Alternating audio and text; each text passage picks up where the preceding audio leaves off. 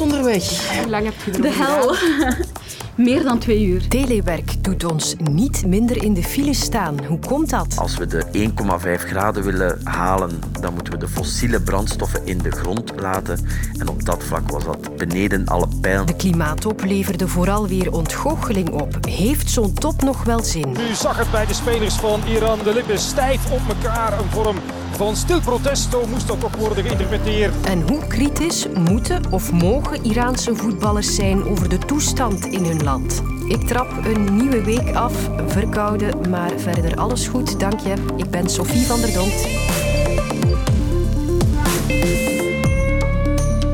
Dat het kwartier elke dag stipt om vier uur klaar staat voor jou, dat is soms een klein wonder, want eerlijk, wij komen niet allemaal elke dag mooi op tijd aan. Meer dan twee uur vandaag, maandagochtend. Toch welkom, Carla. Dat staat niet 100% stil, maar dat is heel vaak gewoon tegen 10 à 20 km per uur. En dan is dat rijtijd maal 2 en meer. En dat collega Carla niet de enige was vanmorgen, dat bleek ook uit de verkeersoverzichten. Ah, joh, het is al redelijk druk op de weg. Ja, ja, ja. Goedemorgen. En ook wat file.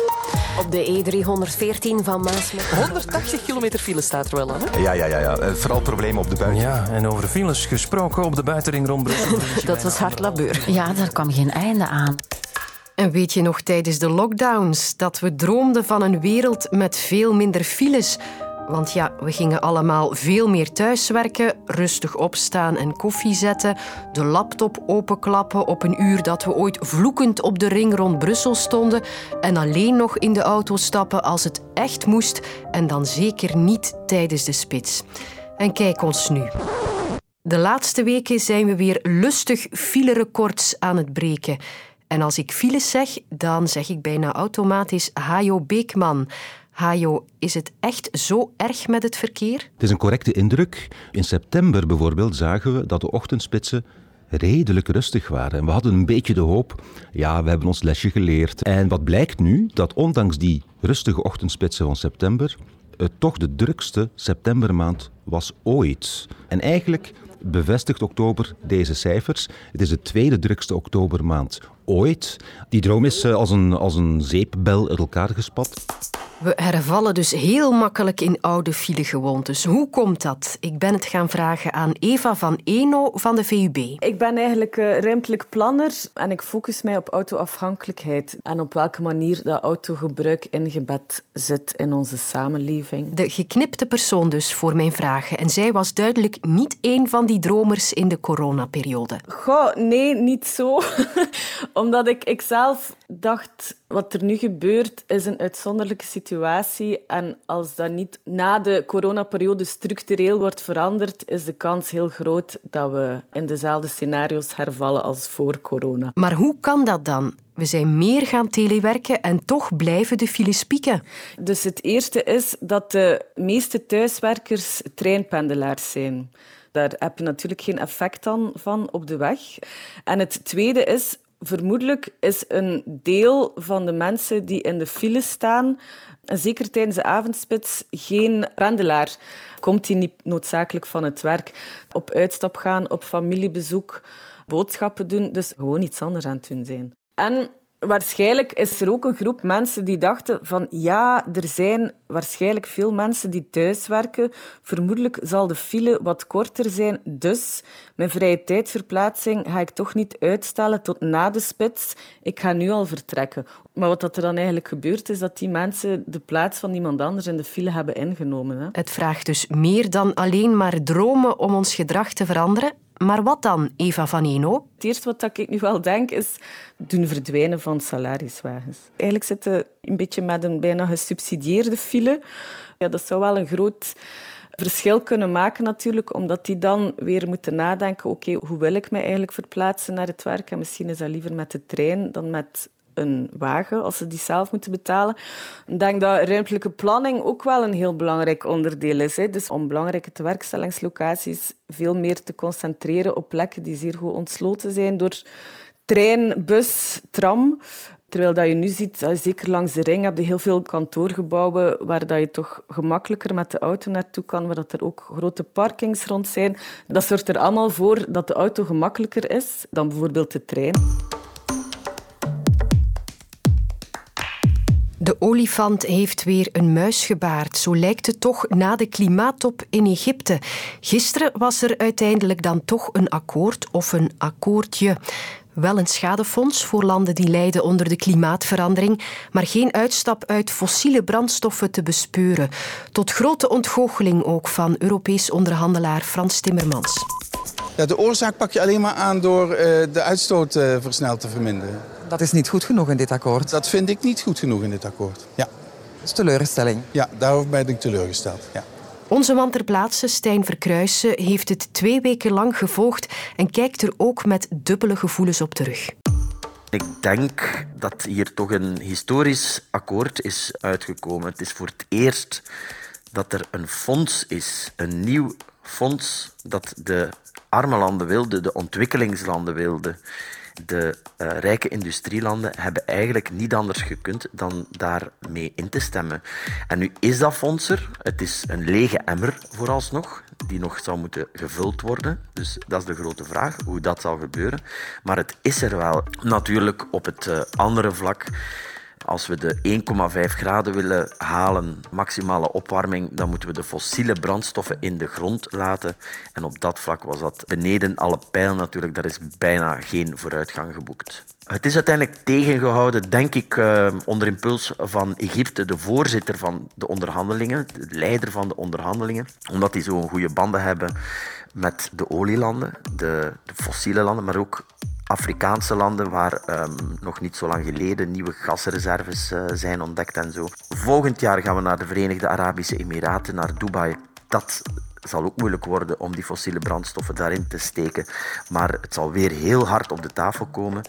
En daarna gaat het allemaal beter hopelijk. Maar ja, de tijd is zo beperkt. Er is opnieuw een jaar verloren. Dat is dan weer de keerzijde van de medaille en het negatieve aan deze klimaattop. Het is ook niet de eerste keer dat zo'n klimaattop teleurstelt. Dat gevoel heb ik al een aantal klimaattoppen op een rij. Dus vraag ik mij af, is dit nog wel de manier om klimaatverandering aan te pakken? Hebben klimaattoppen nog wel zin? Verschillende experts laten er nog een keer hun licht over schijnen. Mijn naam is Zanna van Rentergem. Ik ben de vicevoorzitter van de Belgische Klimaatcoalitie en ik werk ook voor Greenpeace. De klimaattoppen hebben absoluut nog zin. Mijn naam is Wim Thierry, ik ben klimaatwetenschapper aan de VUB. Hebben klimaattoppen nog zin? De vraag is eigenlijk, wat zou het alternatief zijn? Ik ben Peter Withoek en tijdens de COPS ben ik delegatieleider of de coördinator van de, van de Belgische delegatie. Ik ben het er helemaal mee eens dat um, de beslissingen die we tijdens die COPs nemen vaak ja, te traag en, en, en te vaag zijn, maar dat, dat moeten we erbij nemen. Hè. Als 196 landen zich bij consensus moeten uitspreken over hele, hele complexe problemen zoals de klimaatproblematiek, uh, ja, dan, dan, dan, dan is dat bijna, bijna evident. Ik ben Jos Elbeke, ik werk in Firenze waar ik klimaatbeleid doseer. En vroeger was ik werkzaam bij de Europese Commissie over klimaatbeleid. Er is natuurlijk een zekere mate van ontgoocheling, dat er geen aanscherping is geweest van nieuwe doelstellingen. En ik begrijp die ontgoocheling. Nu, een aantal landen willen niet elk jaar hun doelstellingen herzien. Wat belangrijk is, of ze die doelstellingen implementeren, toepassen, of zij beleid hebben om wat ze beloofd hebben in het verleden, om dat dit nu ook aan te leveren. En daar heb ik in uh, dan toch wel hele mooie elementen gezien die uh, ons eerder hoopvol moeten stemmen. Elk jaar kijken we naar de kop en hopen we dat de kop de grote doorbraak is. En dat elke kop opnieuw een gigantisch succes is als destijds het klimaatakkoord van Parijs was. Maar wat dat vooraf gegaan is aan het klimaatakkoord van Parijs, is wel 21 andere kops, waar dat mensen heel lang hebben gesakkerd en heel erg hebben onderhandeld, soms zonder uitkomst, zonder enige tekst. Het is een globaal probleem waarbij we alleen een oplossing gaan vinden als alle landen van de wereld samenwerken en samen ambitieus klimaatbeleid voeren. Dus je hebt een internationale context nodig waarin landen samenkomen, onderhandelen, akkoorden sluiten om die doelen te gaan realiseren. We hebben al 27 klimaattoppen gehad, één per jaar sinds de jaren 90.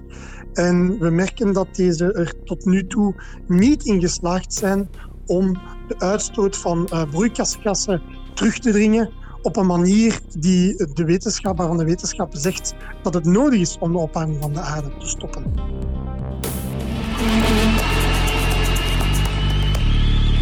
Ik had voor de WK-match van vanmiddag tussen Engeland en Iran op een paar sterke symbolische acties gerekend, maar het bleef nogal discreet allemaal. Geen armband met regenboogkleuren om een statement te maken tegen discriminatie. En u ziet het, de armband is niet die die we verwacht hadden bij Harry Kane. U heeft dat eh, verhaal in de loop van de dag ook wel meegekregen natuurlijk. Finaal de arm omgevrongen, zeg maar chantage door de FIFA en maar een beetje verzet bij de Iraanse voetballers. Meezingen was in elk geval applaus. U zag het bij de spelers van Iran. De lippen stijf op elkaar. Een vorm van stil protest, zo moest dat toch worden geïnterpreteerd. Werd ons uh, verteld uh, de voorbije maanden tegen de toestanden in hun land natuurlijk. Ook vandaag nog berichten over uh, zware rellen. betogers die op een gewelddadige manier door de politie werden behandeld. Doodstraffen die zijn uitgesproken. Dat soort dingen allemaal. Helaas, Iran een beetje een verscheurd land. En als je zo'n verscheurd land komt vertegenwoordigen op het WK voetbal, wat kun je je dan permitteren? Ik ga erover praten met Ellie Mansouri, Belgisch-Iraanse en politologe aan de VUB. Hallo. Om te beginnen, is voetbal eigenlijk belangrijk in Iran? Voetbal is een heel populaire sport bij zowel mannen als vrouwen. Maar vrouwen zijn jammer genoeg nog niet echt toegelaten tot stadia. Dat is wel al in het verleden een paar keer gebeurd. Zoals afgelopen zomer is er een groep vrouwen toegelaten geweest in het eh, stadion in Teheran voor een match eh, tegen Irak. Maar ja, dat is nog geen echt uh, verworven recht, zullen we maar zeggen. Ja, en die protesten die draaien nu net rond vrouwenrechten en mensenrechten in het algemeen. Moeten die voetballers tijdens dit WK nu iets laten blijken? Ik zou persoonlijk, moest ik een van die voetballers zijn, dan zou ik gebruik maken van de, de media-aandacht uh, die je krijgt, van de centrale plaats die je krijgt in zo'n internationale voetbalgebeuren. Ik zou wel op een heel bedachtzame manier dat protest en die, die revolutie proberen te steunen. En ik denk dat daar iedereen op zit te wachten. Omdat ze dat nog niet genoeg gedaan hebben voorlopig? Wat heeft gemaakt dat iedereen zo achterdochtig is, is dat de nationale voetbalploeg is bij de president Raisi op bezoek gegaan en hebben zich daar zeer uh, ja, nederig opgesteld tegenover de president. En dat heeft eigenlijk bij heel veel mensen heel veel argwaan uh, opgewekt. Dus iedereen zit echt te wachten op die symbolische uh, daad tijdens de match zelf. Ik denk dat het voor heel veel Iraniërs een soort van morele plicht is geworden om dat te doen omdat die mensen net zo in het middelpunt van de aandacht staan of uh, die contacten met media en sociale media hebben. Nu is er wel een poging geweest gisteren nog van de aanvoerder. Hassan uh, Haisafi, man met een geweldige linker. Hij dus heeft zijn medeleven betuigd met het Iraanse volk, gezegd dat het niet goed gaat in zijn land. Maar hij riskeert daar wel wat mee, hè? Dat is uh, zeer gewaagd. Je kan, daar een, je kan daar huisarrest voor krijgen, je kan daar een gevangenisstraf voor krijgen, je kan daarvoor gearresteerd worden. Je kan uh, ja, onder zware uh, druk gezet worden om dan achteraf een soort van publieke bekentenis in de media te doen. om dan te zeggen dat je je vergist hebt, dat je, ja, dat je de zaken verkeerd ingeschat hebt. Um, dus daar hangen heel veel gevolgen aan vast. Al zijn er wel voorbeelden van sporters die zich niet hebben laten tegenhouden daardoor. Hè? Ja, uh, de steun of de solidariteit die topsporters hebben uh, getoond, was uh, ja, heel vaak door ostentatief hun hoofddoek af te zetten. Dus dat zijn, dat zijn eigenlijk symbolische daden. Bij mannen uh, is dat natuurlijk niet van toepassing. Of een, een symbolische daad die andere Iraanse voetballers al gedaan hebben, is het uitbeelden van een stuk haar af te knippen. Uh, dat hebben ze ook al gedaan. Of een Iranier uit de regio Sistan-Balochistan die dagenlang was vastgeketend. En die persoon hebben ze daar letterlijk verwaarloosd laten zitten. En die is uiteindelijk ook gestorven. Dat hebben ze ook uitgebeeld. Iemand die al zittend, vastgeketend zit. Dus er zijn echt wel verschillende manieren om die protesten of die, die beginnende revolutie te, te steunen. Voetballend is het de Iraniërs niet gelukt om hun volk een hart onder de riem te steken vandaag. Daarvoor was Engeland te sterk. Tot morgen. Luister ook naar Senior Sarens. Daarin duiken Luc Hakens en Achiel van Ingelgem samen met de familie Sarens in het verleden van Jan Sarens, die vermoord werd in Mexico. Nu in de app van VRT Max.